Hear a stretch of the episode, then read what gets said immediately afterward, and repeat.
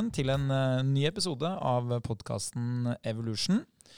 Vi har eh, rullet i gang eh, høsten. Det har blitt årets første høstmåned. Det dukker jo opp stadig flere nye mennesker på treningssenteret, som er utelukkende bra både for business og for folkehelsa. Så vi er egentlig ved godt mot. Vi er motivert, som er et litt morsomt ord å bruke, ettersom dagens episode faktisk handler litt om motivasjon. Før vi kommer så langt, så eh, har vi jo én ting vi er nødt til å snakke om her. Eh, Vi har allerede vært litt eh, inne på det, men eh, i eh, helgen som var, eller helgen som gikk, som det heter, så var det da en halvmaraton løpekonkurranse som blei gjennomført. Det var 4000 på start. En av de eh, 4000 var meg, det er ikke det det skal handle om, men en av de 4000 var deg, Sindre Antonsen. Velkommen. Jo, mange takk. Mange takk.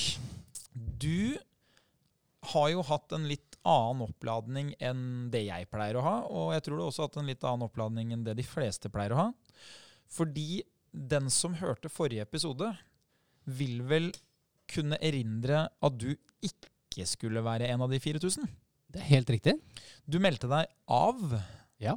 men av en eller annen merkelig grunn så har du meldt deg på igjen i mellomtida. Hva skjedde? Sannheten er at jeg personlig, når jeg, meg, når jeg sier at jeg skal noe, så liker jeg å gjennomføre. Jeg hater følelsen av at jeg føler at jeg svikter andre. Så skal det sies, det har vi snakka veldig mye om. Det er jo en klassisk felle man gjør når man er på trening. Man tror at det handler om alle andre enn seg sjøl. Så sannheten er nok bare at jeg ikke er noe glad i å svikte meg sjøl. Og når vi da snakket om det nå sist, så tenkte jeg man må jo bare prøve. Det verste som kan skje, er at jeg går. Det var jo ikke mål om å gjøre det noe raskt, det skulle bare gjøres så raskt som man klarte.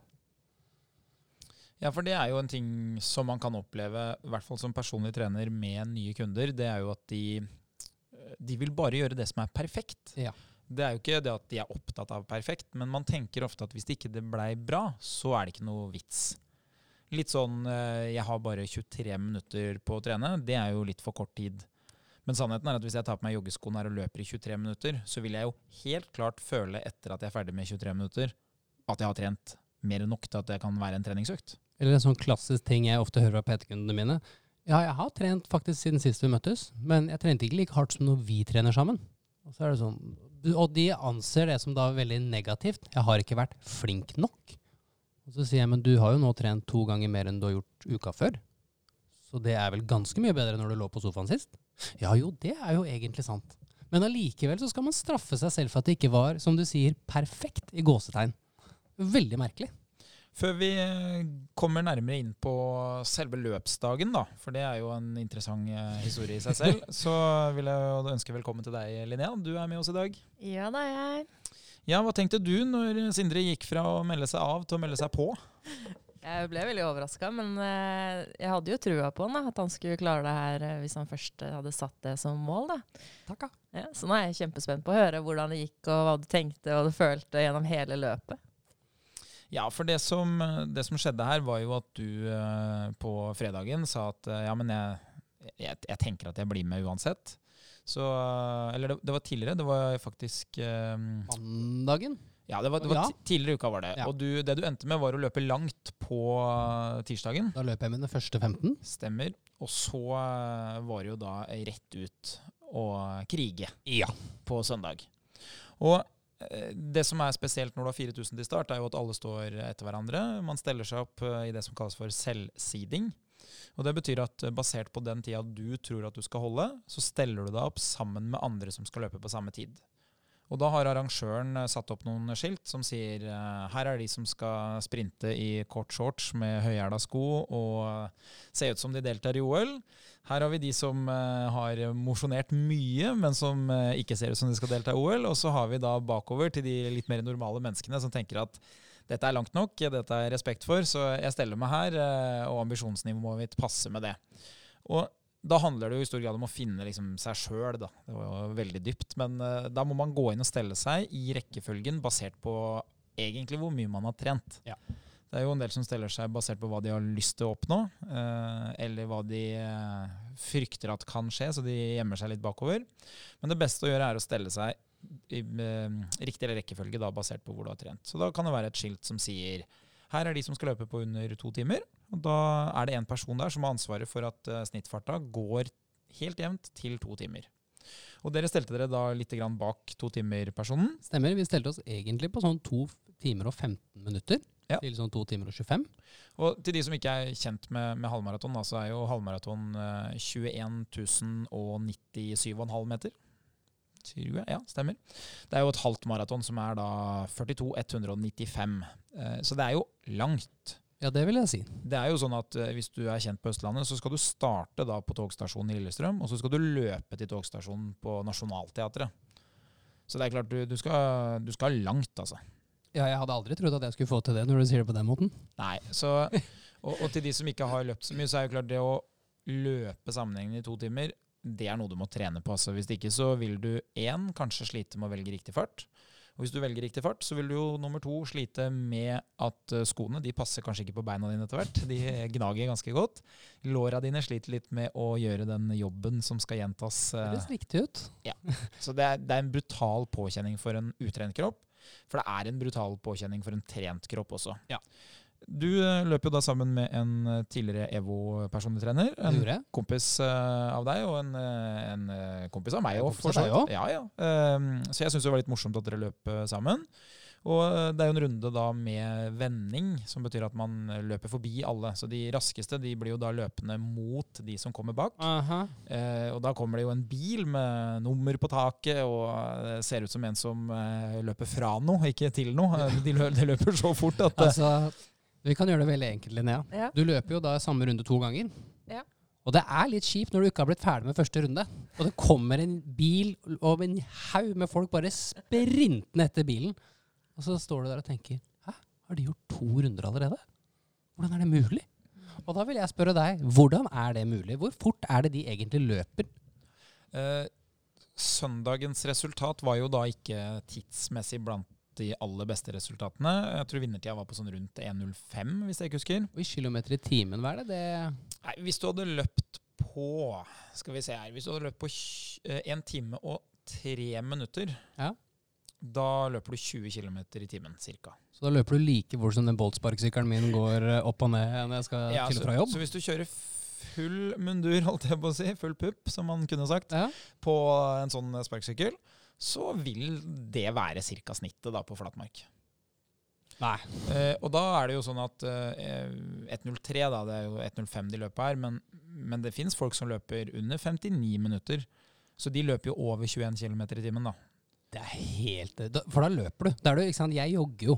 Det er veldig tydelig at det går, relativt, det går jo relativt raskt, men det går jo fremover på en joggende måte. Disse sprinter jo. Ja, Det som er spesielt, da, det er jo at uh, i mitt tilfelle så løper jo jeg i en fart som er veldig fort når det skal holde på lenge. Men jeg kunne jo løpt mye fortere. Ja. Jeg, eh, hvis du hadde stoppa meg etter uh, tre kilometer og sagt nå må du sprinte alt du kan, så kan jeg jo løpe mye fortere enn det. Men sannheten, når du begynner å komme opp i sånn eh, 21 km i timen, eller eh, Jakob Ingebrigtsen, da, hvor de løper både 26 og 27 km i timen, det, det er jo det er de færreste som kan løpe så fort. Altså, hvis du stopper de etter uh, lite grann av løpet og sier 'sprint alt du kan', så de kan ikke løpe så fort. Nei, jeg bare tenker, tre, De stort sett tredemøller på treningssenter, den stopper vel på 19 eller 20. Og så sier du til meg at de løper da fortere enn det raskeste båndet går på tredemølla. Ja, Det betyr jo i en, i en treningsøkt da, så ville jo de beste i verden måtte løpt veldig lenge for å få nok belastning. Fordi båndet går ikke fort nok. Det er ganske rått. Ja, det er jo hinsides. Ja. Eh, Det var jo ikke et problem verken du eller jeg hadde da Nei. på søndag. At, at Var ikke farta. Nei, det var jo ikke det at vi eh, ikke kunne løpt fortere, for det kunne vi, for det hadde bare blitt bråstopp. Men eh, du kom deg i mål. Dere eh, fikk jo etter hvert orden på, eh, på en måte den farta dere skulle holde. Ja. Dere traff jo godt på det. Dere drakk jo underveis, fordi holder du på i to timer, så må du jo drikke litt vann. Du må gjerne spise litt Sånne eh, gels.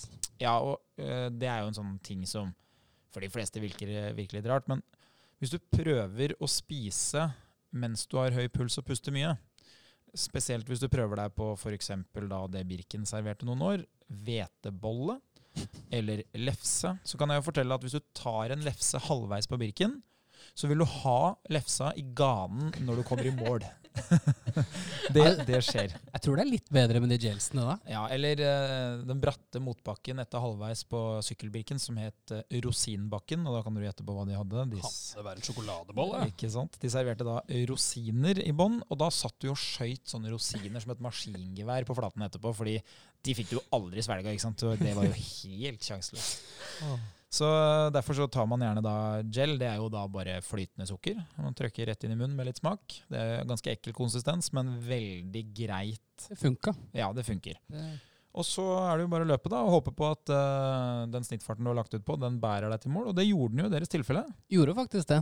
Det og litt uh, god drahjelp av partene ved siden av, så gikk det ganske fint. Da. Så det, jeg synes det var bra. Dere så spreke ut da. Jeg så jo dere to ganger underveis, og Ja. så møttes vi jo etter det var ferdig. Og det var eh, Det så veldig bra ut, altså, men det må ha vært en god opplevelse. Du var jo veldig fornøyd etterpå.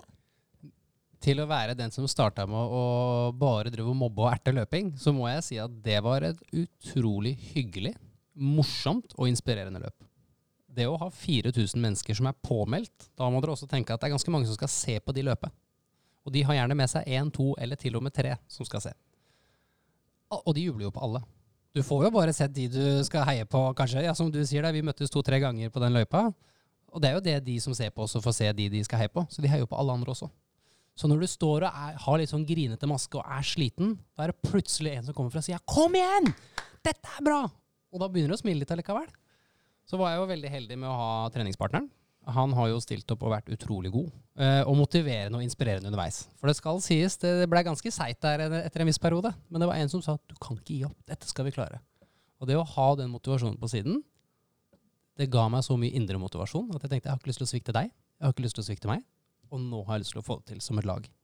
Ja, det er gøy. altså Det er jo spennende å høre. Det- er jo noe vi skal ta opp igjen etterpå, når vi skal se litt på ulike tips til å holde seg motivert.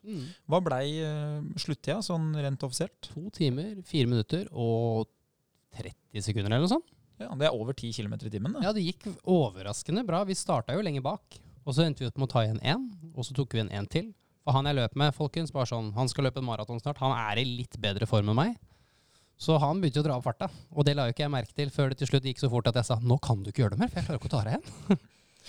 Hva tenker du, Linnea, om å sette tredemølla på ti, og så gå av etter to timer? Eh, For meg så høres det jo helt sykt ut, fordi jeg løper intervaller på ti. Og da er det, da er det snakk om tre minutter maks, liksom. Da holder jeg på på ti. Um, så for meg, det å tenke at du holdt den farta der, da, i to timer og fire minutter, var det det? Jeg er like overraska som deg. Altså, det er helt sykt.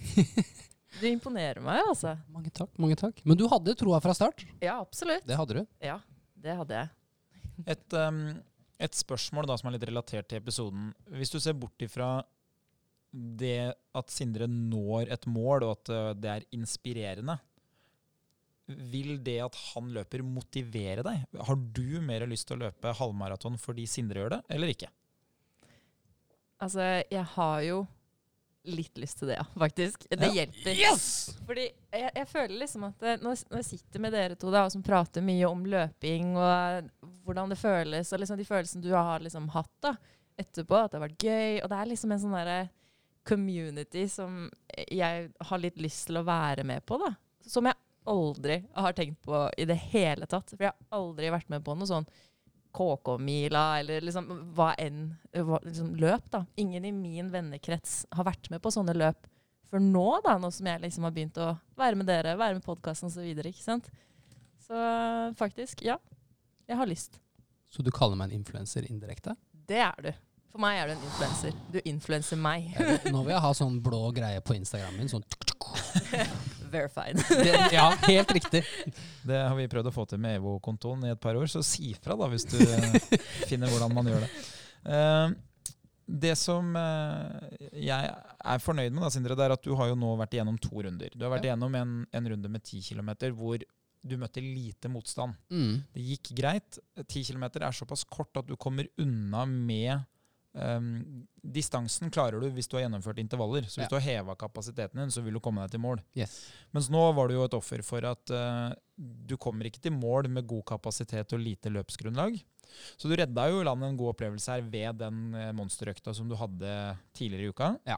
Og så kan vi også si det sånn at hadde dette vært et maraton, så hadde det ikke sett sånn her ut. Det hadde jo ikke gått. Det kan jeg være helt ærlig på. For det, det er jo som du vet, og det vet kanskje ikke du, Linnea, men jeg skulle egentlig jogge 30. Og det er fordi Andreas gjør seg klar til Oslo Maraton.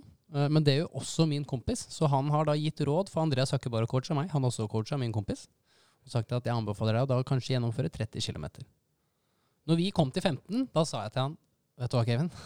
Jeg tror du skal løpe de siste ni aleine, altså. Går det bra? Nei, det gjør egentlig ikke det. Og jeg, nå har jeg bare lyst til å klare å gjennomføre de siste seks Jeg melder nå eh, 6,1 km før vi skal ta avgjørelsen. Jeg er ikke med. Nei, for på, på ti så var jeg litt sånn ja, vet du hva, 30, Nå er vi én av tre. Det her skal gå helt fint. Og så kom vi til 12, 13, og det var jo som du sier, det er jo ikke lungene mine, det var jo ikke pusten som sleit. Men jeg har jo ikke løpt så langt før det, så beina mine begynte jo å svikte. Sakte, men sikkert. Og han hadde jo samme opplevelsen som deg. Det som skjer da, det er at du passerte ut av det du har trent for. Du Ja. har løpt 15 km. Så på 15 så begynner du å skjønne at eh, ok, det her er faktisk så ille som jeg husker at det var. Og på 17, 18, 19, 20 så begynner du å skjønne at eh, dette her, det rår jeg ikke over. Her, her er jeg et offer for uh, utviklinga som jeg ikke styrer. Her, det kan hende jeg kommer til mål. Det kan også hende at det er slutt på eh, tre steg fra nå. Ja. Og den usikkerheten er ganske vond å, å bære med seg. Yes. Og så vet man nå at det er ikke farta i form av kondisjon som ødelegger for meg her. Det er at beina mine ikke klarer det. Så det er ikke sånn at du, du kan ikke bruke de vanlige parameterne som du bruker når du løper intervall. 'Å ja, nå puster jeg så fælt, nå klarer jeg ikke mer'. Du, du blir plutselig veldig usikker på om, om det i det hele tatt går. Eh, må jeg begynne å gå? Klarer jeg å gå? Og så slår det kanskje ut noen kramper her og der. Så det er veldig mange sånne ulike ting som dukker opp. Og akkurat det samme skjedde jo da eh, for Kevin som da har på trening løpt kanskje si 24, 25, 26 km, som skulle da ut og løpe 30. Som egentlig er det samme som du gjorde når du løp den 15-økta di. Ja. Han må opp i den distansen for i det hele tatt fortjene å komme seg til over fire mil når han skal løpe i Oslo om halvannen uke. Og han fikk samme opplevelsen. Det fløyt bra til 21. Jeg tipper hvis du hadde stoppa han når du ga deg, så hadde han sagt nei, dette her gikk jo over all forventning. Det var jo akkurat det han sa òg. Ja, Hadde du stoppa han etter 25, så hadde han sagt dette her er tungt, men det gikk jo greit. Og så hvis du hadde filma han fra 27 til 30, så hadde du sett at å ja, det er en annen person som løper her enn han som løp da de første 25 km. Da kan jeg gi deg en insider, for jeg ringte han jo. For jeg trodde jo at han nærma seg ferdig. For hastigheten hans var jo så bra. Så så jeg på klokka, så var jeg sånn Ja, nå skal jo han egentlig være ferdig. Og da fikk jeg, jeg fikk han på øret, for da hadde han på seg AirPods, og så sier han Nei, det går ikke like fort lenger. Jeg er så ødelagt. Kom, hold motet oppe. Jeg prøver. Men jeg er jo aleine. Så det som skjer da, det er jo at eh, da løper man faktisk så langt at man ikke klarer det mer. Da. Det er det, det man ser, at kroppen klarer ikke å gjøre den jobben. Man har ikke, man har ikke lokal kraft. Da. Altså, eh, musklene som brukes er ikke sterke nok til å gjøre jobben, så de bare rett og slett klapper sammen. Og det koster mye mer å få de til å gjøre samme jobb enn det de gjorde i starten. Ja. Eh, som du sa, jeg gjorde jo det samme, for jeg har jo da litt samme dilemma som det Kevin hadde. Jeg måtte løpe lengre fordi det da var bare 13 dager til maraton. Og så eh, er det jo sånn da at eh, det må skje da. Jeg kan ikke løpe så langt bare syv dager før. Men så var jo vi med og sponsa maratonet, eh, og så er det lettere å løpe i et felt. Det er mye mer behagelig å ha drikke tilgjengelig enn å bære med seg drikke selv. Så da tenkte jeg ok, jeg løper 21,1, altså det er halvmaraton, med et felt med startnummer. Og hvis det går veldig veldig bra, og jeg klarer å holde meg i tøylene, for det er jo veldig fristende etter hvert der å bare bli med folk Hvis du føler deg fin, du løper litt saktere, saktere enn det du kan fordi du tenker å løpe lengre. Fristende å løpe fortere og fortere. og fortere. Så tenkte jeg ok, jeg må holde meg igjen, jeg må klare å, å liksom gjøre den jobben som jeg vet at er bra på sikt, ikke her og nå. Og øh, det det endte med, var jo da at jeg løp i mål, øh, og så måtte jeg ut og løpe mer. Og da kunne jeg jo tenke meg å løpe i løypa, for der er det jo drikkestopper øh, fortsatt, ikke sant? Og jeg løper jo da øh, litt fortere enn de som løper bakerst, som gjør at det fortsatt er folk som er ute på sin runde to. Så hvis jeg bare løper i konkurranseløypa, så er det jo fortsatt folk som heier, og det er folk som eh, serverer drikke og sånn. Så jeg gikk da i mål, eh, løpende. Eh, Vanligvis så er jo folk ganske kjapt ned på bakken etter målgang. Du stopper når du kommer til mål. Ja, så jeg kjørte litt slalåm, holdt på å løpe ned en sånn funksjonær som sto i vest der. Han så jo da at jeg reiv av meg startnummeret og hoppa over gjerdet og inn i løpetraseen igjen. Så han gikk jo fra liksom først uh, tenke at jeg var gæren og skulle hjelpe meg, til å applaudere, for han skjønte at å ja, her, uh, her er det en som vet hva han gjør, liksom. Uh, ikke at jeg visste det, men, men, det så ut som jeg hadde peiling. Så jeg bare da løp ut av stadion og inn i løypa igjen. og da ble det litt morsomt, fordi på noen av drikkestoppene så er det jo en del folk som jobber og serverer og sånn, og de heier jo, ikke sant. Kom igjen, heia. Og så tenker de men han der løper jo litt for fort sammenligna med de andre som har henta drikke her nå. Uh, og så begynner de å hviske og tiske. liksom, hva, Har han vært seint ute til start, eller Og så har jeg ikke startnummer, så de er litt sånn stressa på Du må huske at startnummeret ditt er borte, så du får ikke passeringstider og sånn. Men, uh, men, alt i alt gikk over all forventning. Uh, samme fart som gikk da på passering halvmaraton, hadde jeg også da når jeg passerte tre mil. Og siden den runden her er litt lengre enn 10 km, så ble det naturlig å løpe til 32. For jeg orka ikke å gå de to kilometerne. Selvfølgelig det har vært lettere å gå de enn å løpe de, men når jeg jo, men. først er der, så, så det gikk over all forventning. 32 km på en fart jeg ikke har uh, løpt før. Og jo, takk, takk. Det er første applausen idrettskarrieren min har fått på veldig lenge. Men uh, fordelen var at jeg gikk da fra å være altfor kort på distanse, 15 km for to uker siden, til å nå være på riktig distanse med høyere fart. Så det eneste som gjenstår nå, det er jeg må jo da desperat få løpt litt oppover på en langtur, og jeg må få løpt mye nedover. Og så uh, får vi se om Oslo uh, står for fall. Jeg skal stå og heie, jeg. Så det, det, blir veldig spennende. Men alt i alt, uh, den søndagen i Drammen, perfekt. Perfekt vær. Resultatene bedre enn forventa. du hadde jo en opptur med 10 km, fikk deg en skikkelig knekker nå. Ja. Men motivasjonen er kanskje enda sterkere for å ta tøffe oppgaver frem i tid? Det er jo det er en eh, kjent PT som heter Alexander. Han pleier ofte å snakke om hvordan, hvordan er det han beskriver det? Det er motivasjonskapasitet. Er det ikke det han sier? Eller mental kapasitet? Hvis dere, dere, som ikke har hørt ordet mental kapasitet, det er veldig enkelt. Litt sånn Når du nærmer deg komfort, utafor komfortsonen, så er jo målet å prøve å strekke den hele tiden. Så komfortsonen blir litt større. Det har det blitt nå. Det er det ingen tvil om. Jeg kan jo gjøre det enkelt. Det var lettere for meg å løpe 21 i hodet og motivasjonen enn det var å løpe 10. Og det er jo fordi man har klart å strekke den kapasiteten ved å da, ved å da løpe med noen som løper mye, deg, få mye hjelp underveis, og få treningsglede på et fagfelt som jeg ikke har vært så god på sjøl tidligere. Og så er det jo sånn at Nå har du jo da fått bevist at du er god i medgang. Når du kan tillate deg å bomme litt fordi du har gjort mye riktig. Og så ja. har du bevist at du er god i motgang, hvor du kanskje har litt kniven på strupen om å gjøre alt rett. Ja. Så f.eks. den økta du hadde da på tirsdag, som var 15 km, den må gjennomføres. Ja. Og du kan ikke eh, ende opp med å ha bein som ikke funker, fordi da vil det ikke være noe vits å stille til start.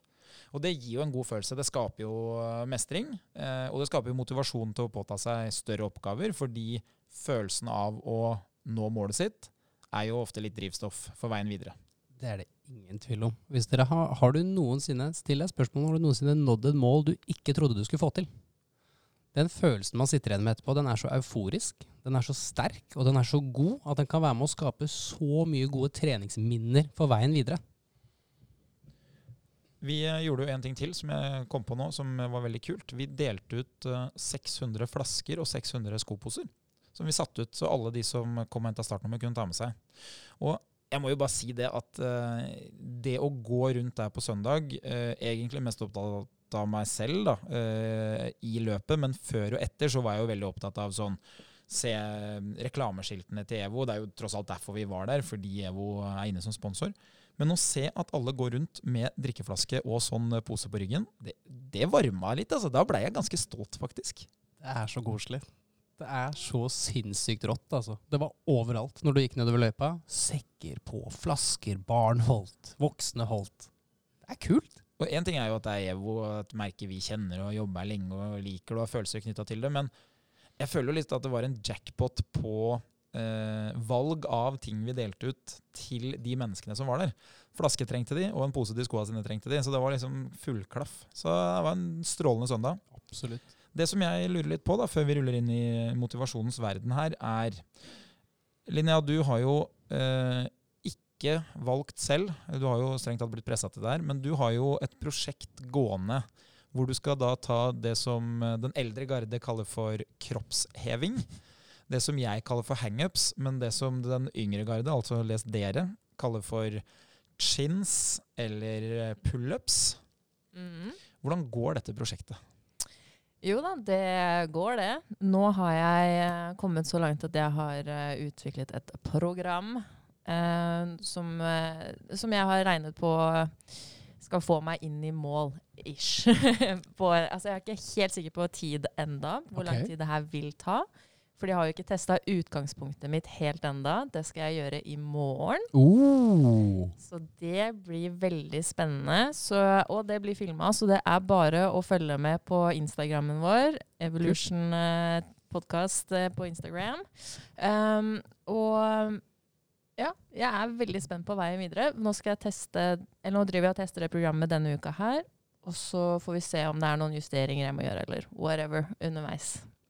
Hva er det som skaper mest usikkerhet? Er det å finne utgangspunktet, eller er det om du når målet? Um, av två.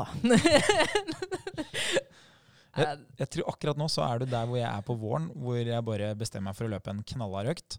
Og så krysser jeg fingrene og så tenker jeg bare la meg være god. Vær så snill. For det er så mye kortere vei til mål. Det er akkurat det. Jeg har en følelse på at eh, målet er meget, meget langt unna. I og med at jeg ikke har fått trent ordentlig Eller jeg har ikke fått trent så mye som jeg har ønsket siden mars da, pga. øyeoperasjonen. Uh, og at jeg har falt mye tilbake i styrke, og jeg har lagt meg litt. Så det er litt sånn her My odds are against me. Men uh, jeg får bare jobbe med det jeg har, da. Bare finne hvor jeg er. Og så får vi bare se hvor fort og hvordan det går etter hvert. Hvor, uh, hvor viktig er det for deg å få det til? Altså, jeg tror egentlig det aldri har vært så viktig som det er nå. For jeg har jo, som jeg nevnte sist, da, at eh, jeg har hatt dette her som et sånn derre mål, eller sånn ting som jeg har sagt hver gang jeg har begynt å trene igjen, eller liksom begynne å sette meg treningsmål. At å, jeg skal klare én skinn. Det sånn, har alltid vært liksom i bakhuet, da. Men nå eh, så føler jeg egentlig at det er ganske viktig for meg å faktisk oppnå et treningsmål. Fordi jeg er jo en veldig følelsesperson. Aldri tenkt sånn ja, jeg skal ta 200 kilo i markløft eller whatever, liksom. Nå har jeg faktisk satt meg et mål som jeg skal gjennomføre. Så kult. Det er veldig inspirerende å høre på, da. Eh, er det sånn at du eh, tenker at det er egentlig ikke så viktig at det er akkurat pullups eller chins? da. Det er, det, er ikke, det er ikke så viktig at det er det, men det er mer at du har funnet noe som konkretiserer noe som er vanskelig, men som vil trolig gi deg en veldig god mestringsfølelse hvis du får det til.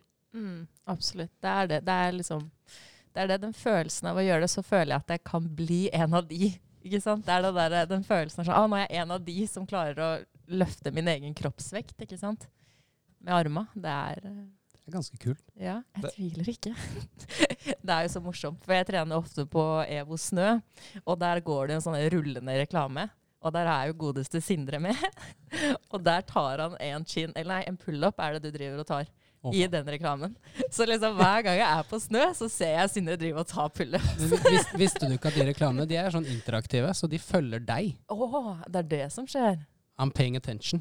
Jeg Oh er oh der God. med deg hele tiden. Du tror det bare er inni hodet. Nei, nei, nei. Så vi er, på, vi er på nivå med når du sier noe, så dukker det opp på eh, Facebook-feeden din etterpå, på jeg, telefonen. Jeg får sant. på telefonen med en gang. Ja, det er sånn Har du lyst til å plage Linnea på denne treningsøkten?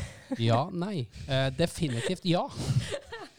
Ja, nei, det er seigt, altså. Det er, ehm, eh, det er jo direkte spørsmål, men de er jo litt morsomme, da. fordi da ser man jo litt mer med følelsene som spiller inn, enn bare liksom det treningsfaglige. Eh, anser du deg selv til en person som egentlig skulle ha klart det, eller vil du føle at du blir en annen person om du klarer det? Wow. Det var et jævlig godt spørsmål. Ja, det var skikkelig godt spørsmål. Um, men ja, altså Jeg føler at jeg er en som burde ha klart det. Det er, det er mye knytta til yrket mitt. liksom. Som personlig trener så føler jeg at det, du skal klare å ta pullups og chins som om det ikke er noe, liksom. Og du skal klare å ta pushups og alle disse her kroppsøvelsene når du er personlig trener. Og jeg klarer ingen av dem. Så det er litt sånn, Jeg føler meg nesten som en fraud, men jeg er jo ikke det. For jeg, jeg kan jo trening. Jeg er jo sterk. Det var akkurat det jeg skulle si. Og det blir jo litt som måten du ser det på. Da. Det blir jo litt som å si at fotballtreneren skal være like god som Messi. Mm. Og det er jo et ganske latterlig krav når du har verdens beste fotballspiller på banen. Du er jo utrolig dyktig i det du driver med, og det er jo også trenere er jo utrolig dyktige. Mm. Det var, ja, det er jo et meget godt poeng. Altså, det er jo viktig for deg som person, ikke sant? fordi du måler jo deg selv på prestasjonene dine. Ja. Men for den som skal trene med deg, så er det jo viktigere at du er en god pedagog, at du kan benytte faglig kunnskap i praksis. Og det er som du beskriver veldig godt, da, Sindre, at eh, de trenerne som har oppnådd størst prestasjoner de siste årene, er jo ikke de trenerne som har oppnådd størst meritter som spillere nettopp. som var veldig vanlig. Det var veldig veldig vanlig at de beste spillerne de tester man som trenere. Og så har de da en helt ubegrunna tillit. Og um, Det eksempelet bruker jeg veldig ofte når jeg foreleser for nye personlige trenere, som da skal inn i treningsbransjen. Og det er at den som var den beste i matteklassen, er nødvendigvis ikke den beste til å lære alle de andre matte. Det er veldig lite sannsynlig faktisk at den som sitter bakerst i kroken der og er helt rå på kalkulatoren, vil være den som får meg, som er dårligst i matte, til å bli veldig god.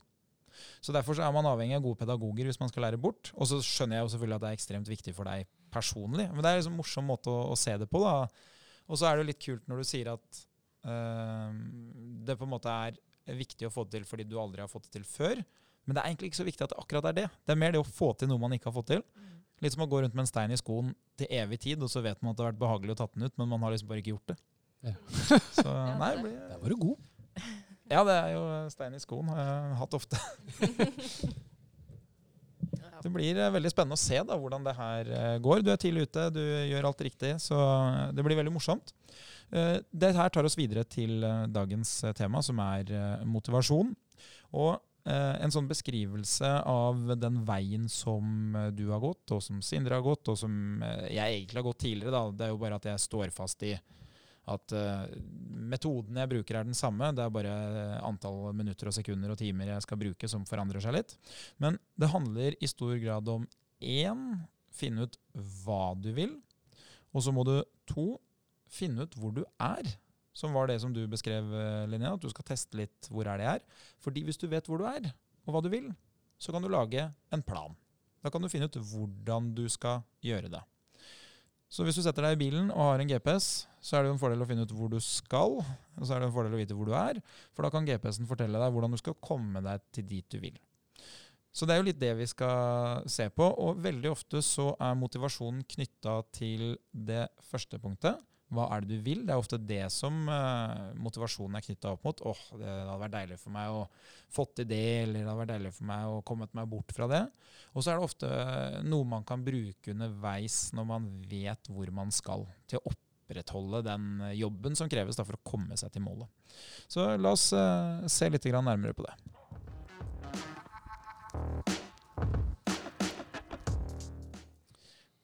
Vi har uh, funnet dagens tema i en artikkel, uh, Sindre. Vil du beskrive litt hva artikkelen handler om? Det kan jeg absolutt gjøre. Vi har jo en utrolig dyktig PT hos oss som heter Kaja. Kaja hun har en bachelor og har, har da skrevet en artikkel om hva er motivasjon. Det er jo en veldig konkret og god artikkel som ligger nå ute på Evolution, som jeg anbefaler alle å ta en titt på. Og der skal vi komme med noen av tipsene som står der. Ja. Vi skal egentlig da bare gå igjennom de tipsene, snakke litt om de, for de er veldig bra. Yes. Eh, men sånn innledningsvis, da, eh, så vil jeg jo bare trekke fram noe som er sånn nyttig å bruke når det gjelder målsetningsarbeid. Det vi ofte ser, da, det er jo at uh, motivasjon kan være det som gjør at man begynner en handling. ikke sant? Uh, man tenker eh, åh, det hadde vært deilig å det hadde vært deilig å kunne ha gått sammenhengende hele den fjellturen, så jeg slipper at de skal sitte og vente på meg hele tida. Jeg syns det er litt flaut når jeg kommer fram og de har sittet og hvilt i ti minutter, og så skal vi begynne å gå, som jeg er fysisk ganske anstrengende. Eller det kan være jeg har vært på sommerferie, jeg syns kanskje ikke at kroppsfasongen min er det som jeg kunne tenke meg, så nå er jeg ganske motivert for å gjøre noe med kroppsvekta mi. Og veldig ofte så er jo motivasjonen i begynnende fase knytta til Kall det litt sånne grunne ting. Det er veldig sjelden sånn eh, Jeg ønsker å oppfylle Helsedirektoratets anbefalinger om fysisk aktivitet. Det, det er veldig sjeldent motiverende, men det er ofte en bieffekt av å ha funnet noe man liker. Yes. Så det at jeg f.eks. bruker mye tid på trening, er jo summen av mange måloppnåelser og gode opplevelser.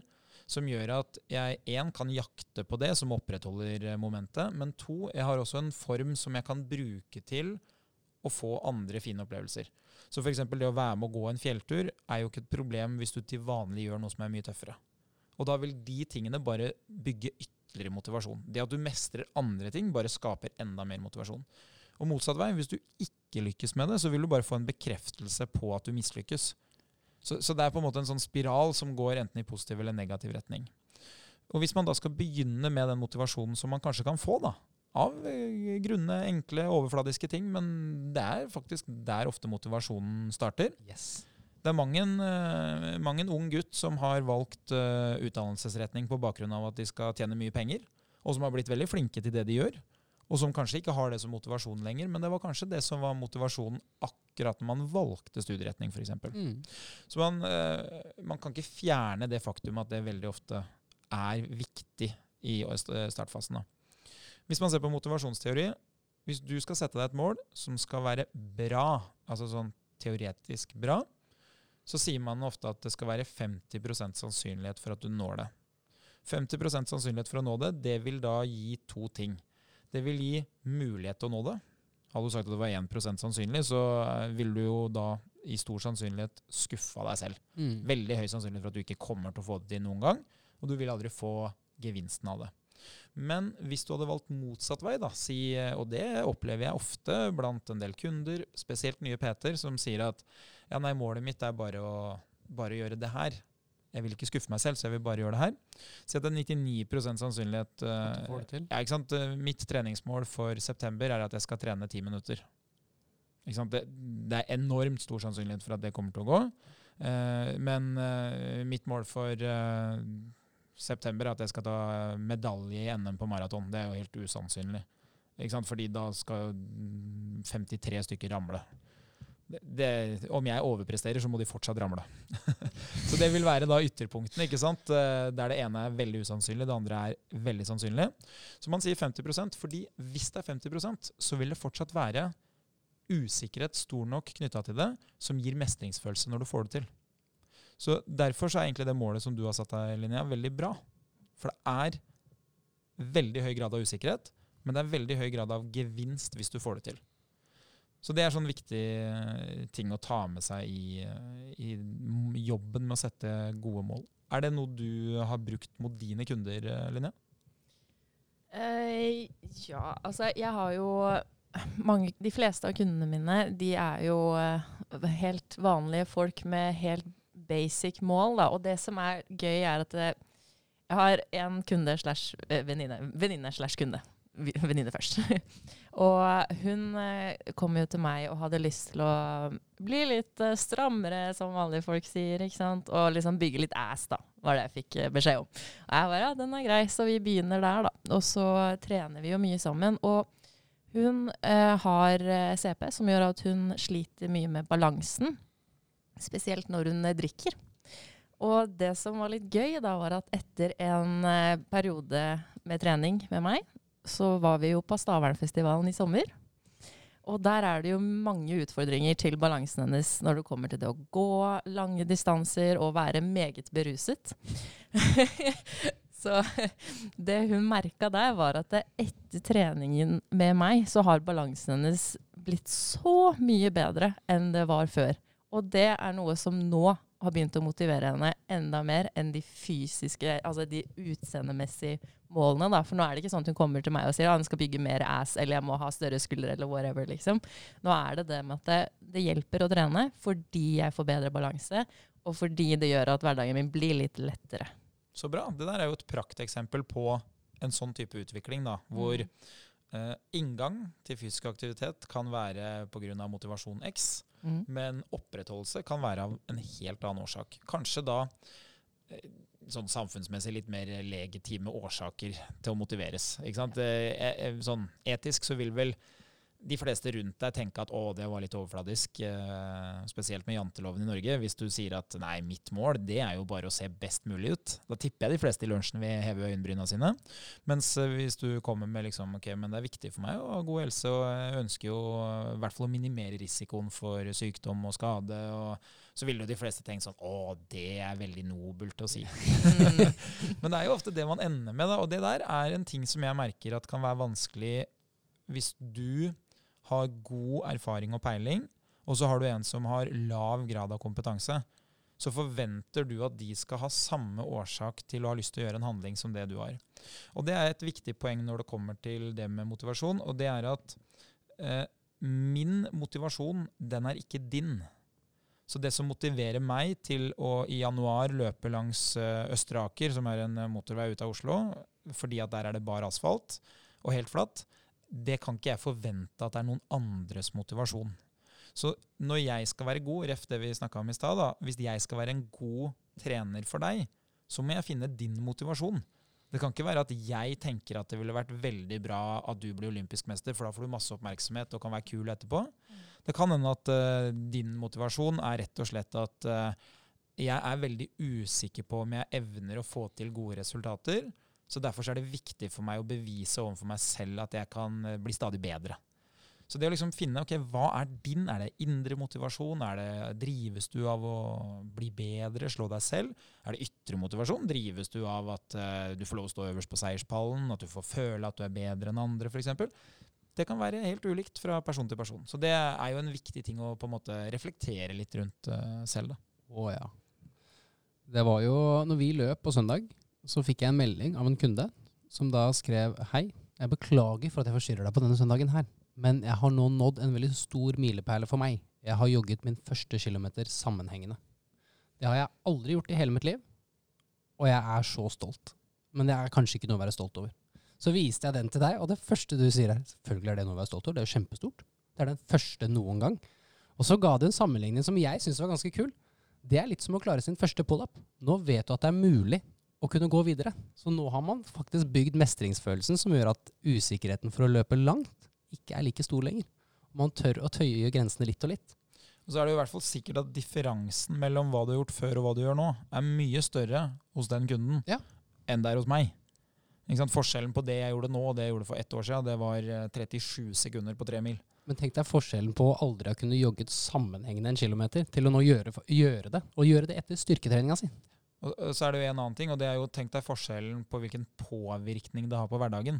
Altså, De 37 sekundene mine de har lav grad av påvirkning. De, de, ville, de ville hatt større grad av påvirkning hvis jeg ikke klarte det. Ikke? For det ville vært skuffende for meg. Mens i det tilfellet her, så tenk deg den uh, mestringen og motivasjonen som skapes av å gjøre noe som er liksom fra ingenting til noe. Den er mye, mye større, den. altså. Uten tvil. Så det, det, er viktig å ta med seg. Når uh, du trener kunder, uh, Linnea, er det sånn at de bærer med seg et uh, type mål da, som de har motivasjon for inn i samtalen med deg første gangen? Eller er det sånn at det også kan liksom bli til underveis i arbeidet med de, hvor dere trener? Mm, som oftest så blir det til underveis. Fordi da innser de litt sånn ting som plutselig betyr noe for dem. da det betyr noe for dem at det er lettere å dra opp og gjøre en jobb. Det betyr noe at det er lettere for dem å gjøre ditten og datten. Uh, det er jo Ja. Det viser jo uh, på en måte i grunnlaget en studie, da, spesielt sånn type Dunning-Krüger-studie, som sier noe om mm. sammenhengen mellom det å ha erfaring og det å være god til å gi anslag på hva som vil være riktig resultat, da, hvis man bruker det som en definisjon, så vil det være sånn at det at en person som har trent veldig lite, skal begynne å si noe om hva treninga kan brukes til, og hva det vil gi av resultat, det vil være lite sannsynlig. Men derimot, hvis du begynner å trene, du begynner å gjøre litt øvelser, så vil du ganske kjapt begynne å skjønne at hm, dette her, det fører til det, eh, jeg blir så mye bedre, ok, det er kanskje et godt mål. Så det å rett og slett sette seg mål, det er jo noe man må lære seg. Absolutt. Vet ikke om Det jeg ofte opplever med kunder som ikke har trent noe særlig i livet sitt, er at de, det blir litt som å Du begynner å drømme, og du har ikke lyst til å si hva drømmen din er. Fordi du, som du sier, da, du klarer ikke å sette en målsetning. Så det å gå ned 20 kilo, ja, det er en drøm. Det høres veldig bra ut, og det er noe jeg virkelig drømmer om. Men jeg aner ikke hvordan jeg skal dit, og jeg vet egentlig ikke hvor jeg er akkurat nå. Og jeg tror det er det som ofte skjer da med de du møter, og at de har nok et sånn indre drive, men det er en drøm, og jeg vil ikke si drømmene mine. Jeg vil bare si hva målene mine er, og det vet jeg ikke, for det klarer jeg ikke å måle ennå. Har du, um, har du opplevd blant dine kunder at en av de som ikke er mest surrete, da, for det høres jo ut som en uh, egenskap, men de som, de som har hatt eh, på en måte lavest klarhet i hva de ønsker som mål, plutselig kanskje er en av de som har tydeligst målsetning? At gjennom å trene så plutselig Å ja, du vet akkurat hvorfor du har lyst til å få til det der? Tja, jeg har jo hatt noen som har kommet inn uten noe mål og mening i det hele tatt, og så funnet ting som de syns er morsomt, og gir dem en motivasjon, motivasjon sånn sett. Som f.eks. en kunde som jeg hadde i fjor, da, som jeg begynte å trene i fjor. Og hun hadde aldri trent på treningssenter før. Og fant uh, fort ut at dette her var sinnssykt gøy. Så hun begynte jo å trene ja, Gikk fra null til da fire ganger i uka etter hvert. Og så så hun jo litt på Instagram og sånt, og ble litt sånn inspirert til å prøve seg på en skinn. så da begynte vi å jobbe mot det etter hvert. da. Så kult. Kunne vært deg, si. Det kunne vært meg. Bare, vi relaterte veldig mye til hverandre. Tenk deg, eh, det er jo så morsomt, tenk deg hvis du hadde vært hennes kollega. Mm. Og så i fire-fem år så har dere aldri snakka om trening. Og så plutselig, etter eh, tre-fire-fem uker med deg, så sitter dere hver dag og snakker om å drive og ta sånn kroppsheving. det er så sjukt. det viser jo bare hva liksom motivasjon og, og, interesse gjør. da. Man blir mm. ganske hekta på det. og da kan du jo si Det sånn at um, det å ikke være interessert i det, fører jo mest sannsynlig ikke til noe endring i fysisk form. Men det å være oppslukt av å gjøre noe som bedrer den fysiske formen, det er jo veldig gunstig sånn både her og nå, men òg på sikt. Altså Hvis du kan trene deg til en form som er veldig bra, og så ramle ned på eh, treningsmengde som gjør at du bare holder deg helt grei, vil det være en kjempeforskjell fra å ikke trene. Mm. Så jeg, jeg, tror det kan være smart. Altså. Hvis vi går inn da og, og ser på de tingene Vi snakka om da god, øh, god målsetning, 50-50, om du når det eller ikke. Ja. Om det er 50-50, det er jo noe som er vanskelig å si hvis du har lav grad av peiling på å sette mål. Så da kanskje du må snakke med noen som har litt treningsfaglig kunnskap og kan fortelle deg at det du ønsker, det er to år, ikke to uker. Uh, eller så må du kanskje velge mål som er litt sånn kortsiktige, som gjør at det er litt lettere. Ok, i september så skal jeg trene tolv ganger. Mm. Det, det, klarer du å hanskes med. Men uh, at du klarer å løpe én mil på 45 minutter neste sommer, hvis du ikke har løpt noe særlig, det er litt vanskelig å spå, fordi du ikke vet hva som kreves. Og så var det jo da det med at din motivasjon er ikke min. Så ikke du uh, motiveres nå, akkurat nå, av å drive med chins. Sindre har jo med seg en motivasjon fra løping, hvor du kanskje i brøkdelen av et sekund var dum nok til å tenke at dette kunne jo vært et maraton frem i tid. Helt riktig. Ikke sant? Det er jo veldig morsomt hvordan det skjer. Mens uh, jeg motiveres svært lite av chins uh, akkurat nå. Uh, maraton motiverer meg jo veldig, da, for det står på trappene. Men, men uh, det er veldig morsomt. Styrketrening for deg motiverer deg jo kanskje til å tåle å spille basket en hel sesong. Helt riktig. Jeg kunne ikke tenkt meg verken trent styrke eller spilt basket en hel sesong. Ikke sant? Så det er helt fraværende. Yes. Og det er jo en sånn felle man ofte går i, som du sier da. Jeg tenker at du er like motivert som meg. Nå skal du gjøre alt det jeg gjør. Jeg må finne ut hva du har lyst til. Og så må jeg hjelpe deg med akkurat det, så vi faktisk skaper den motivasjonen og mestringsfølelsen som skal til for at du har lyst til å fortsette med det her.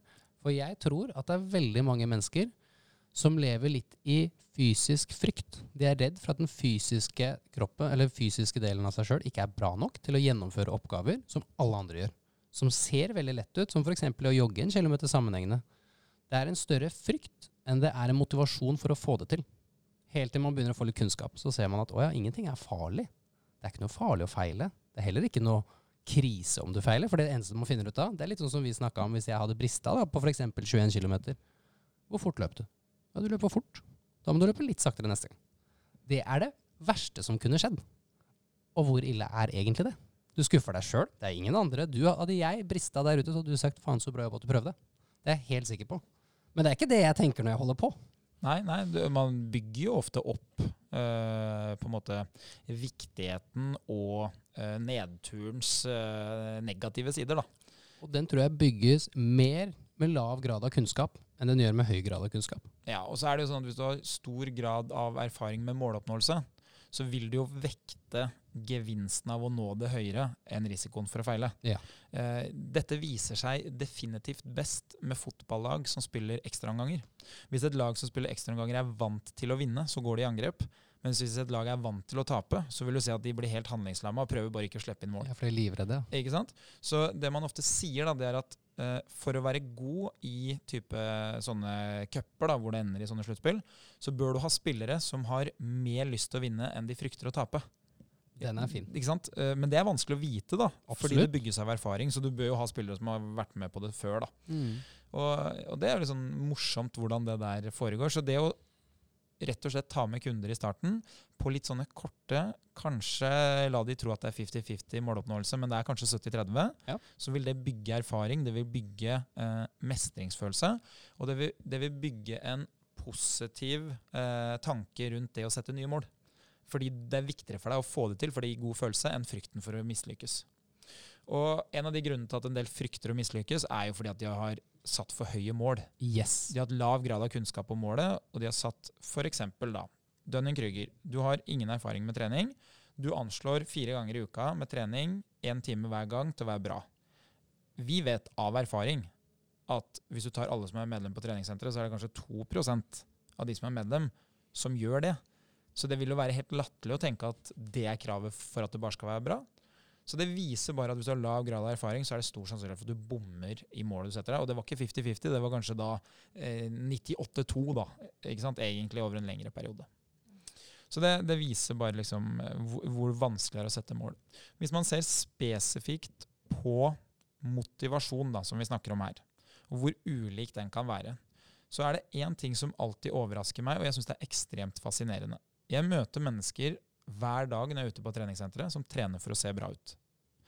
Og eh, hvis du ser bort ifra liksom eh, det med at kanskje mange vil tenke at det er jo litt overfladisk å trene for, så syns jeg det er veldig fascinerende, fordi jeg trener jo utelukkende for noe som kan måles. For meg vil det være veldig vanskelig å trene for noe som bare er følelsesmessig betinga, fordi jeg må jo ha en definisjon på når ser man bra ut. Hvilke kriterier ligger til grunn for at man kan hake av at dette er å se bra ut. Så for meg vil det bli helt umulig å trene for det, fordi jeg vil aldri kunne nå målet mitt. Kommer an på det. Plakaten på gutterommet, da. Ja, ikke sant? Men når, når vet du at du ser ut som den personen? Du er jo ikke samme person. Så det er veldig vanskelig for meg å relatere til et sånt mål. Men jeg observerer jo at de får det til, og jeg fascineres jo av at de motiveres av det. Så sånn sett så syns jeg det er veldig gøy å se på, selv om det ikke er det som driver meg. Men sånn som nå, da. Nå har jeg veid meg hver tirsdag i fem uker. Uh, og det at jeg går ned i vekt, vil jo føre til, hvis jeg opprettholder muskelmassen, at jeg får lavere fettprosent. Som kanskje da i noens øyne ville vært å se bedre ut. Men for meg fins det ingen motivasjon i det. Men det fins en enorm motivasjon i at jeg vet at rent fysisk så vil tre kilo være ganske mange sekund per kilometer på et maraton. Kanskje så er én kilo så mye som to-tre sekund på en god dag hvor, eh, hvor de kiloene er tatt av på forhånd. Så det at jeg nå da har klart å gå ned 2,3 kilo på fire uker, vil i manges øyne være sånn Å ja, men da ser man kanskje litt bedre ut. For meg har det, det har ingenting å si hva fettprosenten er. Det, det er eh, så lenge jeg løper fort, så kan den godt være 15 eh, Den kan også være 5 Det er liksom ikke så veldig viktig. Men det kommer også til å sørge for at jeg mest sannsynlig ikke holder meg på den lave vekta når jeg er ferdig. For da trenger jeg det ikke lenger. Men det viser bare at min motivasjon den er da ikke som de som da trener for å se bra ut. Og motsatt. Jeg ville ikke giddet å gått ned de kiloene hvis ikke det var for de sekundene som det vil gi meg på kort sikt. Så det er veldig sånn stor forskjell. Skal vi uh, rulle videre her til uh, de tre tipsene som vi vet at kan fungere? Det syns jeg vi skal prøve oss på. Ja. Tips nummer én, det er eh, Det kan vi beskrive da som årsaken Ja. til å begynne. Har du, har du et tips til eh, hvordan liksom årsaken kan motivere meg til å komme i gang? Hvis jeg skriver ned Det er jo litt sånn jeg husker overfladisk eh, fra jeg var barn, så sa liksom alle disse trenerne som var, kom fra Olympiatoppen, de kom fra sånne NBA-camper, så sa de alltid du skal skrive ned hva du har som mål, og så skal du se på det. En sånn klassisk vi fikk, som jeg husker jeg hadde, og den tok jeg med meg lenge, og har litt til den dag i dag. Så skulle jeg skrive ned, så skulle jeg henge det opp på baderomsspeilet, sa han. Og så fikk jeg beskjed om at hver morgen når du går inn, når du har stått opp fra senga di, så skal du gå og se på det målet, og så skal du si det høyt til deg selv at dette her har jeg lyst til å klare. Og det skal jeg klare. Og det er jo for å få det konkret at dette er det jeg vil. Dette er destinasjon. Dette er endemål, endestreken. Kommer jeg hit, så får jeg til det. Og da kommer jeg til å få en stor grad av mestringsfølelse. Men det gir også meg en drive til å holde på videre. For den motivasjonen som vi snakker om, den får deg i gang. Men det er litt tungt når du har holdt på en stund. Ja, og så, sånne ting da, som motivasjon, det gjelder jo Uh, i flere settinger. Jeg har opplevd den samme metoden for motivasjon når det gjelder å trene selv. Enten om det er at jeg skal være opptatt hele dagen, så jeg har satt vekkerklokka på seks, og akkurat i den ringer så tenker jeg jeg kan sove i to timer til. Og da må jeg huske hva er årsaken til at jeg satte vekkerklokka på seks? Det er fordi jeg rekker ikke å trene i dag. Jeg vet at når jeg møter meg selv klokka seks-sju i ettermiddag, så kommer jeg til å like den personen som gjorde det som var smart. Og jeg kommer til å være skuffa over meg selv hvis jeg ikke gjorde det. Så det å liksom bruke ok, hva er årsaken Mens det kan også være når jeg jobba som PT, f.eks. Jeg hadde satt meg et mål for hvor mange PT-timer jeg skulle ha i løpet av et år. Av og til ringte vekkerklokka på morgenen. Eh, ok, hvorfor skal jeg stå opp nå? Hvorfor skal jeg dra tidlig på jobb? Hvis jeg sier nå at du, jeg har ikke mulighet til å ha den timen her, eh, da dukka opp et eller annet, så har jeg plutselig fire timer fri etterpå. Ok, Det er veldig fristende. Eller eh, jeg står igjen på jobb. Det er noen som sender meg en melding og sier jeg kan ikke komme til den timen her. Ok, Det betyr at da kan jeg dra nå klokka fem.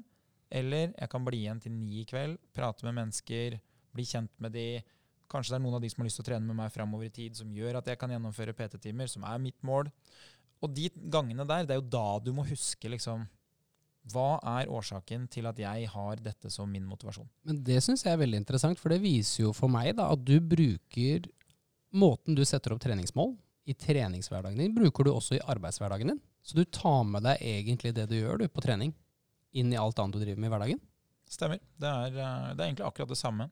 Hva med deg, eh, Linnea? Bruker du sånne type grunner? Har du noen gang skrevet ned liksom grunnene til at dette er hvorfor jeg har begynt, eller dette er hvorfor jeg har lyst til å få det til? Ja, jeg um, gjør ganske ofte det på kvelden uh, før jeg skal legge meg. At, uh, fordi da spinner jo hodet mitt i hundre og helvete. ikke sant? Og da tenker jeg ok, jeg skriver det ned på en lapp. Hva er det jeg vil gjøre? Hvorfor vil jeg gjøre dette? Og hva er det som skal til for å få til dette her? For da skriver jeg ned i boka mi, eh, som, som jeg river ut, og så klistrer jeg det på veggen. Gjør du det? jeg gjør det. Jeg gjorde det forrige uke, faktisk. Da lagde jeg sånn her, ok, høst 2023. Og så lagde jeg bokser med mål og liksom under sånn småmål, eller sånn småting innenfor det, da. Um, I disse boksene uh, på det arket. Delmål, liksom? Ja, delmål og, liksom, og noen grunner til hvorfor, og hvordan jeg da vil føle meg etterpå. For det er veldig viktig for meg å liksom sette meg inn i den fremtidige Linnea, som er liksom i desember. ikke sant? At eh, jeg klarte det, jeg har gjort det, og så prøve da å eh, ikke bare manifestere det, men motivere meg selv til å Ja. faktisk fullføre og komme meg dit. da. Det er tre vitale deler av måloppnåelse vi snakker om her. da. Det ene er jo at det er veldig smart å ha hendene imot mål. Altså jeg ønsker denne tilstanden, ikke jeg ønsker å komme meg vekk fra det her. Det er det jeg frykter litt her, at vi er jo i ferd med å skape en eh, Det som står på lappen er Jeg ønsker ikke at de skal stille meg kritiske spørsmål til hvorfor det ikke gikk. Det, det er på en måte en dårlig, eh, dårlig motivasjonsfaktor, men det er mer som du sier. eh, hva tenker jeg og føler jeg når jeg får det til? Og da er du inne på et element av måloppnåelse som kalles for visualisering. Hvordan ser det ut når du får det til? Og det er jo det mange idrettsutøvere sier, at eh, når de har eh, oppnådd store ting, f.eks. om det er en eh, tøff konkurranse eller De har vært der før. Her har jeg vært før, og sånn er det jo for meg på maraton. Jeg, jeg har veldig mange ganger løpt den siste bakken opp mot Sankthanshaugen. Jeg har veldig mange ganger vært på vei ned mot mål hvor jeg egentlig tenker at eh, det går ikke an å løpe fortere enn det her. Men erfaringa mi sier at det gjør det, hvis du tør å gamble litt. Så jeg liksom, de siste delene har jeg vært igjennom mange ganger, selv om jeg ikke har vært der fysisk. Så når jeg kommer dit, så vet jeg at ok, nå møter jeg meg selv i døra her. Nå kan jeg ta et valg. Enten så kan jeg gjøre som jeg har lyst til når jeg er uthvilt og ikke kjenner på ubehaget, eller så kan jeg jo da bli med på å gi etter nå. Og så må jeg stå til rette for meg sjøl etterpå, for idet du sitter i garderoben og har hvilepuls igjen, da er du mest skuffa hvis du har gitt opp, for da kjenner du ikke på ubehaget. Så det er liksom det å tørre å stå i det, og da må man også ha lagt en fornuftig plan. da. Det er ikke noe Hvis du legger ut på verdensrekordfart og ikke har trent, så er det ikke noe vits å ha god vilje. Det, det gjør seg ikke. Husker du den der gamle Tran-reklamen? Husker du den? Jogger rundt, tar snarveier hver eneste gang. Så kommer han hjem, så tar han en uh, dash med tran. Så sier han nei, det er jo ikke så enkelt. Du kan jo ikke jukse. Og det er jo det man egentlig snakker om her. Skal du ta de snarveiene og skuffe deg selv når du kommer til finish line? Eller skal man bare gjøre den jobben som trengs? Hva står det på, hva står det på toppen av lappen, Linnea? På veggen? Hvis du kan dele det, da. Ja, det er jo litt sånn ulike mål som jeg har for meg selv personlig. Da. Noe er jo økonomisk og jobbrelatert. Eh, og noe er fysisk treningsmål. Og så er det noen andre mål, da, som eh, Ja. Men eh, det som er eh, prioritert, det er da fysisk og jobb. Ja. Mm. Så kult. Mm. Og det er jo morsomt, fordi det jeg opplever, er at eh, de fleste som har lyktes med, med trening og sette seg i mål, de begynner jo, det smitter jo over. Og så begynner man å bli litt tøffere på at ok, men uh, hvis jeg jobber hardt over tid Og det er jo kanskje det som er den store læringen med trening. da. At uh, Det er ikke sånn at det dukker opp noen som sier du, hvis du bare tar den tabletten her, så kommer du til å klare det målet som du egentlig tenkte å bruke et halvt år på. Så Derfor så blir det fort sånn at øh, det er jo innsatsen over tid som viser seg å være eh, bra for resultatet. Og det gjør at det er lettere å, flytte det over til at ok, på jobb Hvis jeg sitter igjen en halvtime hver dag og ikke kaster bort den halvtimen, hva kan jeg få til hvis jeg gjør det tre dager i uka i et helt år? Ok, Det er 150 halvtimer, det er 75 timer ekstra. Så begynner man å tenke sånn, ok, et uh, kurs på videregående, 75 timer, det betyr at uh, det er et helt år med fransk. det. Ikke sant? Det er litt morsomt når man setter det i den konteksten. Men det er så morsomt at når du ser fremover, så tenker du at ett år Herregud, nei, det er altfor lenge. Det klarer jeg ikke. Men når du ser tilbake på hvor fort det året gikk, så tenker du jeg skulle vel kanskje klart eh, to timer i uka. Ja, ja, det handler om eh, prioriteringer, og det tar oss over til neste. da. Tips Yes. nummer dos. Lag deg en prioriteringsliste. Så punkt én, skriv ned hvorfor du har lyst til det her, så du husker det når det regner. Husk på hvorfor du er ute her, og at det pissregner, og du har på deg litt for lite klær for du skal løpe for fort, eller hva det måtte være. Om det er å dra på treningssenteret klokka ti på kvelden fordi du har jobba hele dagen, eller om det er noe annet. Men hvorfor du har lyst til å få det til. Og så er det da nummer to prioriteringsliste. Hva tenker du når du hører det, Sindre? Det første jeg tenker, er at den er dynamisk med mine PT-kunder. Fordi det er så morsomt når du møter de første gang, så spør jeg alltid spørsmålet. Når vi har kommet til det ærlige og klarer å se for oss hvor mye vi skal trene. Hvor lenge er det, eller hvor mange ganger i uken er det du ser for deg å trene? Nei, jeg håper jo å klare én eller to. Det er jo der vi alltid starter. For det, nei, det er det eneste jeg har tid til. Jeg, jeg kan ikke få til mer. Det går ikke i min hektiske hverdag.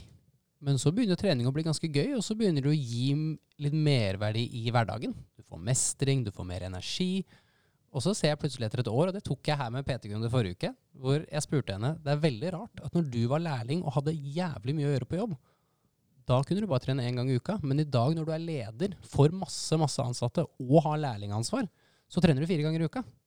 Så ser hun på meg og begynner å le, så sier hun ja, men nå er det jo jævla viktig. Dette er jo viktig for meg, ellers så klarer jeg ikke å prestere på jobb.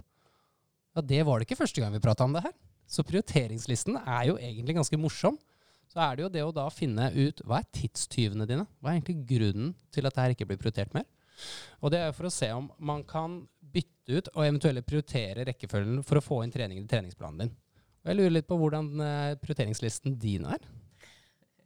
Prioriteringslisten min har jo ehm, Ja, den er jo dynamisk, som du sier. Det Ja. har jo endret seg opp og ned, og gudene vet hva, liksom. Men eh, nå så er det ganske viktig for meg at jeg klarer å eh, Hva heter det for noe? Distribuere? Nei, prioritere. I hvert fall å kategorisere og liksom faktisk sette av tid til de tingene jeg skal gjøre. Som trening, jobb, skole. At jeg faktisk gjør det i de tidsrammene som jeg har satt opp på. da. Er det like viktig som hvis du blir invitert på en fest med de beste venninnene du har? Det er det som er litt, eh, litt utfordrende. Men eh, ja, altså nå har jeg jo bestemt meg for at jeg skal respektere og jeg skal prioritere det jeg har satt til meg sjøl. Og da er, det, da er det det som skal gjennomføres. Ja, Mm. kult. Jeg pleier jo å være litt sånn tøff med de som jeg trener. Eh, Det er jo litt Gjerte Ingebrigtsen-stil, og det er jo ikke helt min stil. Jeg syns jo det viktigste er at folk skal ha det bra, men jeg pleier å si at det, det fins veldig mye vi kan kødde med, og så er det en del ting man ikke kan kødde med. Og det fakta at de aller fleste mennesker bør være fysisk aktive, det, det kan vi ikke kødde med, liksom. Det, du, hvordan du gjør det, det er likegyldig for meg. Uh, og hva som er motivasjonen din, er jeg også likegyldig til. Men at du må gjøre det, og at det faktisk ikke fins mennesker som kan si vet du hva, jeg avstår fra det uten å ta konsekvensen, det mener jeg at man må forholde seg til. Og da er det ofte sånn for meg at Hvis folk sier at det har jeg ikke tid til, eller ja, nei, det er vanskelig for meg å få til, så handler det om to ting. Enten så handler det om at du ikke prioriterer det, og det er greit. Hvis du sier til meg at uh, dette forstår jeg at det er viktig for meg, jeg forstår risikoen ved å ikke gjøre det, jeg kommer ikke til å sutre når jeg får straffen for den risikoen jeg har tatt, men akkurat nå så velger jeg å droppe det. Det, det er på en måte greit for meg. Det, hvis du har et så reflektert grunnlag at du er villig til å ta den risikoen, helt fair. Men det føler jeg ikke at de fleste har. Og det andre er, hvis du faktisk har en timeplan, si at du har eh, tre barn da, og er alenemor, og det er, det er, ikke sånn at det er mulig å, å gjøre det du vil, da kan det av og til handle om kunnskap. Fordi de aller fleste vil kunne være fysisk aktive. Så det handler om at okay, kanskje man ikke har kunnskap til å gjøre aktivitetene som man kjenner de. F.eks. jeg kan ikke løpe på tredemølle eller ute, for jeg kan ikke gå fra huset. Eh, jeg får ikke trent de styrkeøvelsene. Og da handler det om kunnskap. Så da må man jo øke kunnskapen, fordi det er egentlig ikke eh, noen begrensning å være verken låst til sted eller til mennesker. Altså, det fins alltid en mulighet til å eh, terge hjertet til litt høyere puls og gjøre jobben til armer og bein litt tyngre. Så folk som sitter på en fengselscelle, kan komme i kjempeform uh, på en måte, hvis de bare har tilgang til to ganger to meter. Ja. Det er ikke noe problem. Ja. Så det, det, handler bare om kunnskap og vilje til å prioritere. Og for meg så er den største tidstyven at det dukker opp andre ting som på et eller annet vis må prioriteres. Enten om det er jobb, eller om det er eh, annen type eh, ting du har lyst til mer, da, og som du kanskje ikke kan styre helt, og som du ikke kan si nei til. Så derfor så er det beste tipset jeg alltid har, det er timeplan. Sørg for å finne i hvert fall én gang i uka i timeplanen, og finn et annet tidspunkt som er reservetidspunktet. Sånn at de gangene det virkelig går på tverke, så kanskje det skjer, men det skjer sjeldent. Flytende timeplan, det har jeg aldri lyktes med, verken selv eller med kunder. Vi tar det på, på, sparket. For det som skjer, er at akkurat nå er jeg veldig motivert, men som tre uker så er jeg ikke så motivert, og da plutselig ble de hullene i timeplanen veldig, veldig små. Yes. Så det må inn i timeplanen. Eh, så for meg nå så er det sånn, det som står i min timeplan, det er jo jeg skal veie meg hver tirsdag morgen. Som gjør at jeg må skjerpe meg ofte, fordi jeg husker at jeg vil ikke skuffe meg selv. Neste tirsdag så vil ikke jeg eh, gå på vekta og tenke ok, der ga jeg bort fire sekunder fordi at jeg ikke gadd å ta ansvar for det her i dagene imellom. Så det gjør at jeg skjerper meg i seks dager fram til neste gang. Og så er ikke kroppsvekta viktig her, men det kunne vært en treningsøkt med en PT. Det kunne vært et eller annet på jobb. ok? Eh, vi for har et markedsmøte hver eh, tirsdag som gjør at de resultatene som skal presenteres i markedsmøtet, de ønsker jeg at skal være gode. Som gjør at jeg hver dag prøver å gjøre en god jobb for å kunne servere gode resultater. Hadde jeg driti i det i fem dager, så hadde jeg også måttet servert dårlige resultater. Som hadde vært kjipt. Så sånn sett så kan timeplanen være da et, um, et uh, bra uh, opplegg å bruke for å lykkes. Eller så kan det være antall treningsøkter, tid trent, det kan være hva som helst. Men bare liksom begynne å måle det og kontrollere det. Da er det lettere. Gjør du det? Ja, det gjør jeg. Nå gjør jeg det. For nå har jeg satt opp i kalenderen min at uh, fra f.eks. åtte til ti, da er det skole. Og så er det eh, trening i to timer eller halvannen time. Og så er det jobb osv. For da har, jeg, da har jeg det klart, og da veit jeg hva jeg skal til enhver tid. Da er det mye enklere å gjøre det enn å bare eh, orker ikke. Eh, føler ikke for det. Jeg har jo faktisk ikke timeplan uh, for trening, som er litt spesielt. Men det er en test jeg kontinuerlig gjør av meg selv. Så jeg lar det aldri være planlagt, bortsett fra sånn hvis jeg skal trene med noen andre. Så hver dag så tar jeg trening på sparket, som er helt motstridende mot det jeg akkurat sa, selvfølgelig. Men uh, statistikken sier at det går, og det skaper jo uh, store muligheter for å kunne ha litt uh, variasjon. Og litt sånn følelse av spontanitet i, en, i et liv som er veldig strukturert. Men det gjør jo av og til at jeg havner i noen situasjoner som er sånn Oi, hadde jeg planlagt dette på forhånd, så hadde det blitt bedre enn det her. Men det er en glede på en måte i det å mestre og ta det spontant. da. Så jeg, jeg tester meg på en måte sjøl. Eller så kunne jeg jo sagt sånn at uh, hver morgen før jobb så skal jeg trene. Det, det kunne jeg hatt som en greie. Men jeg syns det er litt gøy, og så gjør det også at jeg får noen opplevelser hvor jeg plutselig kommer på at å ja, i dag kunne jeg jo løpt til jobb, og så gjør jeg det. Som kan slå to fluer i en smekk. Hvor lenge har du gjort det? Nei, nå har jeg gjort det i noen år. Så Holdt på såpass lenge òg? ja, ja, ja, jeg syns det er litt morsomt. Det er en evigvarende test da, av eh, For det jeg egentlig tester, da, det er jo hvor lyst har jeg egentlig til å trene. Ja, for der er vi på mental kapasitet igjen. Ja, fordi i det sekundet jeg hadde trent mindre, så ville det jo vært veldig lite gunstig. Så akkurat nå er jeg jo på en trend hvor jeg trener litt mer eh, over tid, da. Eh, så det har funka. Tips nummer tre her, da. Det siste tipset i eh, artikkelen. Hva er det, Sindre? Ikke sett deg i en posisjon der du må ta valg om du skal trene eller ikke. Ja, det var jo det vi snakka om i stad. Jeg var, hadde jo en fin tirade her. Jeg mener jo at det strengt tatt ikke er et valg, men jeg opplever jo at mange av kundene mine setter seg selv i situasjoner hvor de skal velge om de skal trene eller ikke. Føler du òg det eh, overfor dine kunder? At de liksom de velger om de skal trene eller ikke av og til?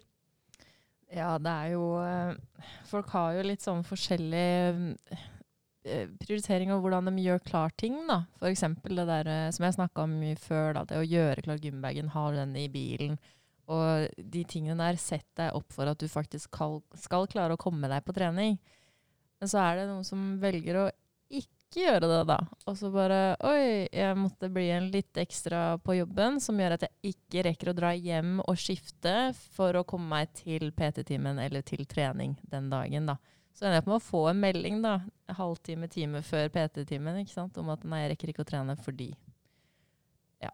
Så de har jo egentlig øh, gjort det motsatte. De har jo egentlig lagt seg, altså laget seg rutiner for å få til å mislykkes med det de egentlig bør gjøre. mm. Det er litt sånn rart, men det er jo, de legger til rette for at de skal mislykkes, egentlig. Ja, det er litt sånn sneaky Det er ikke sikkert alle gjør det bevisst, da, men øh, ja.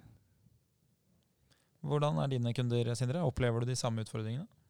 Ja, det gjør jeg. Derfor pleier vi å Vi prøver å snakke litt om forventningserklæringer og det å snakke om viktigheten av målet. Da går vi tilbake egentlig til tips én, som er hva er årsaken til at vi begynte å trene?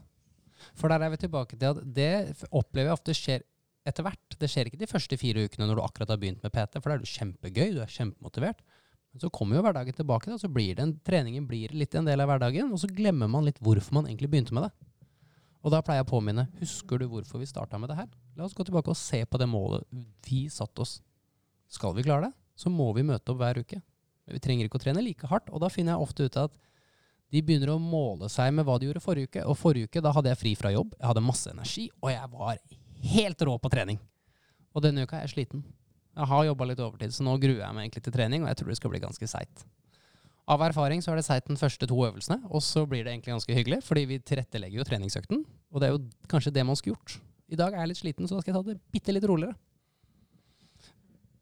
Jeg har um, noen uh, ekstra tips underveis her, som jeg har uh, tatt med meg. Og det er jo tips for å kunne bevare motivasjonen. Én ting er at den eksisterer i oppstarten, uh, som gjør at du bør ta tak i den. Men hvordan kan man få med seg den motivasjonen videre? Fordi det kan jeg jo si at den avtar.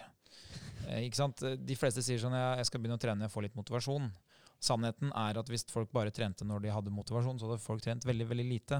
Hvor mange økter hadde du trent i uka da? Nei, jeg har kanskje Jeg tipper én til to ganger hvor jeg hadde tenkt dette har jeg skikkelig lyst til å gjøre. Og så har jeg kanskje en tre-fire som flyter litt sånn midt imellom, som er sånn ja, OK, det Først hadde på meg treningsklær, så var det jo greit. Og så har jeg kanskje to-tre som er helt sånn øh, en indre kamp da, som kan vare lenge, men som ofte er de som igjen da gir best følelse etterpå. For det var det jeg skulle spørre om. Er det noen av øktene dine hvor du etter gjennomført økt tenker Hvorfor gadd jeg gjøre det her? Nei, nei, nei, nei, det skjer jo aldri. Det jo veldig, eller det eneste gangen det skjer, det er jo når jeg får kjeft fordi at jeg har prioritert feil. Det handler jo om min egen planlegging. Det handler jo ikke om treninga. Men det var ikke din prioriteringsliste. Nei, det er, det er jo bare at jeg ikke alltid samkjører mine planer med andre. Det kan jeg ta selvkritikk på. Eh, Jeg har et tips, da, og det er jo tips fire da, her. Og det er jo at du må måle fremgangen. Du må vite hva du driver med. Så det å ikke ha peiling på hva du gjør, vil være en motivasjonsknekker fordi du ikke egentlig vet om du blir bedre eller dårligere. Så da har du jo satt all din lit til at uh, opplevelsen skal motivere deg. Så hvis du er som meg da, og blir motivert av fremgang, at noe blir bedre, så må du jo vite hva du driver med for å kunne vite om det blir bedre. Tips nummer fem det er jo da det du brukte forrige uke, som er kanskje det virkemidlet jeg selv bruker oftest.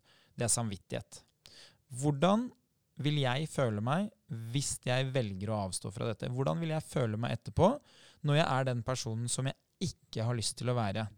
Jeg har sagt til meg selv at jeg skal være en person som står for det jeg sier. Da vil det være veldig dumt å ikke gjøre det jeg sier. Eh, og spesielt det jeg sier til meg selv.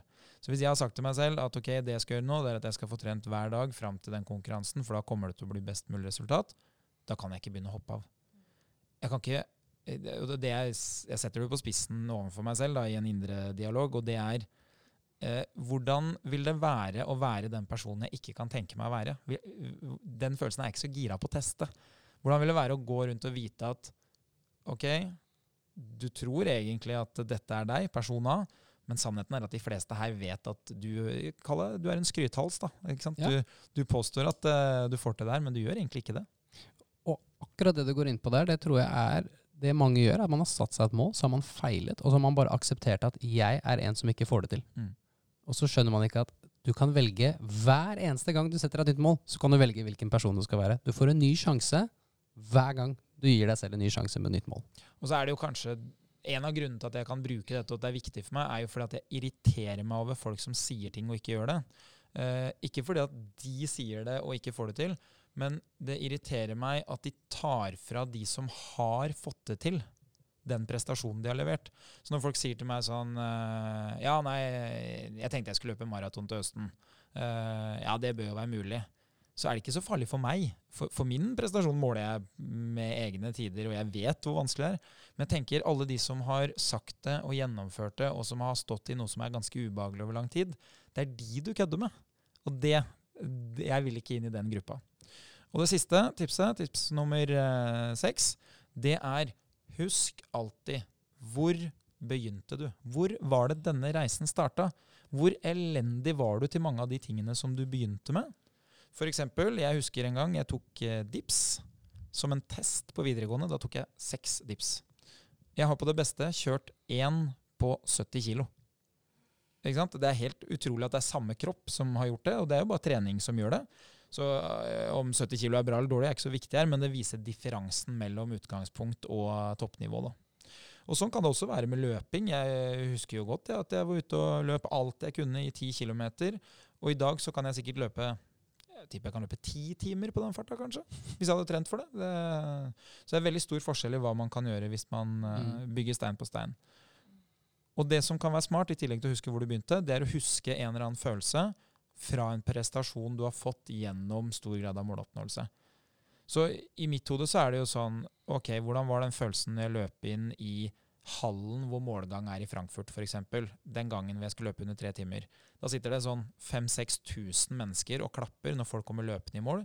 Og det kalles for festhalle, og det er det virkelig. Den følelsen, Er det mulig liksom å bruke den som en motivasjon for å komme seg til neste steg? Ja, det er det. Men da må du huske det.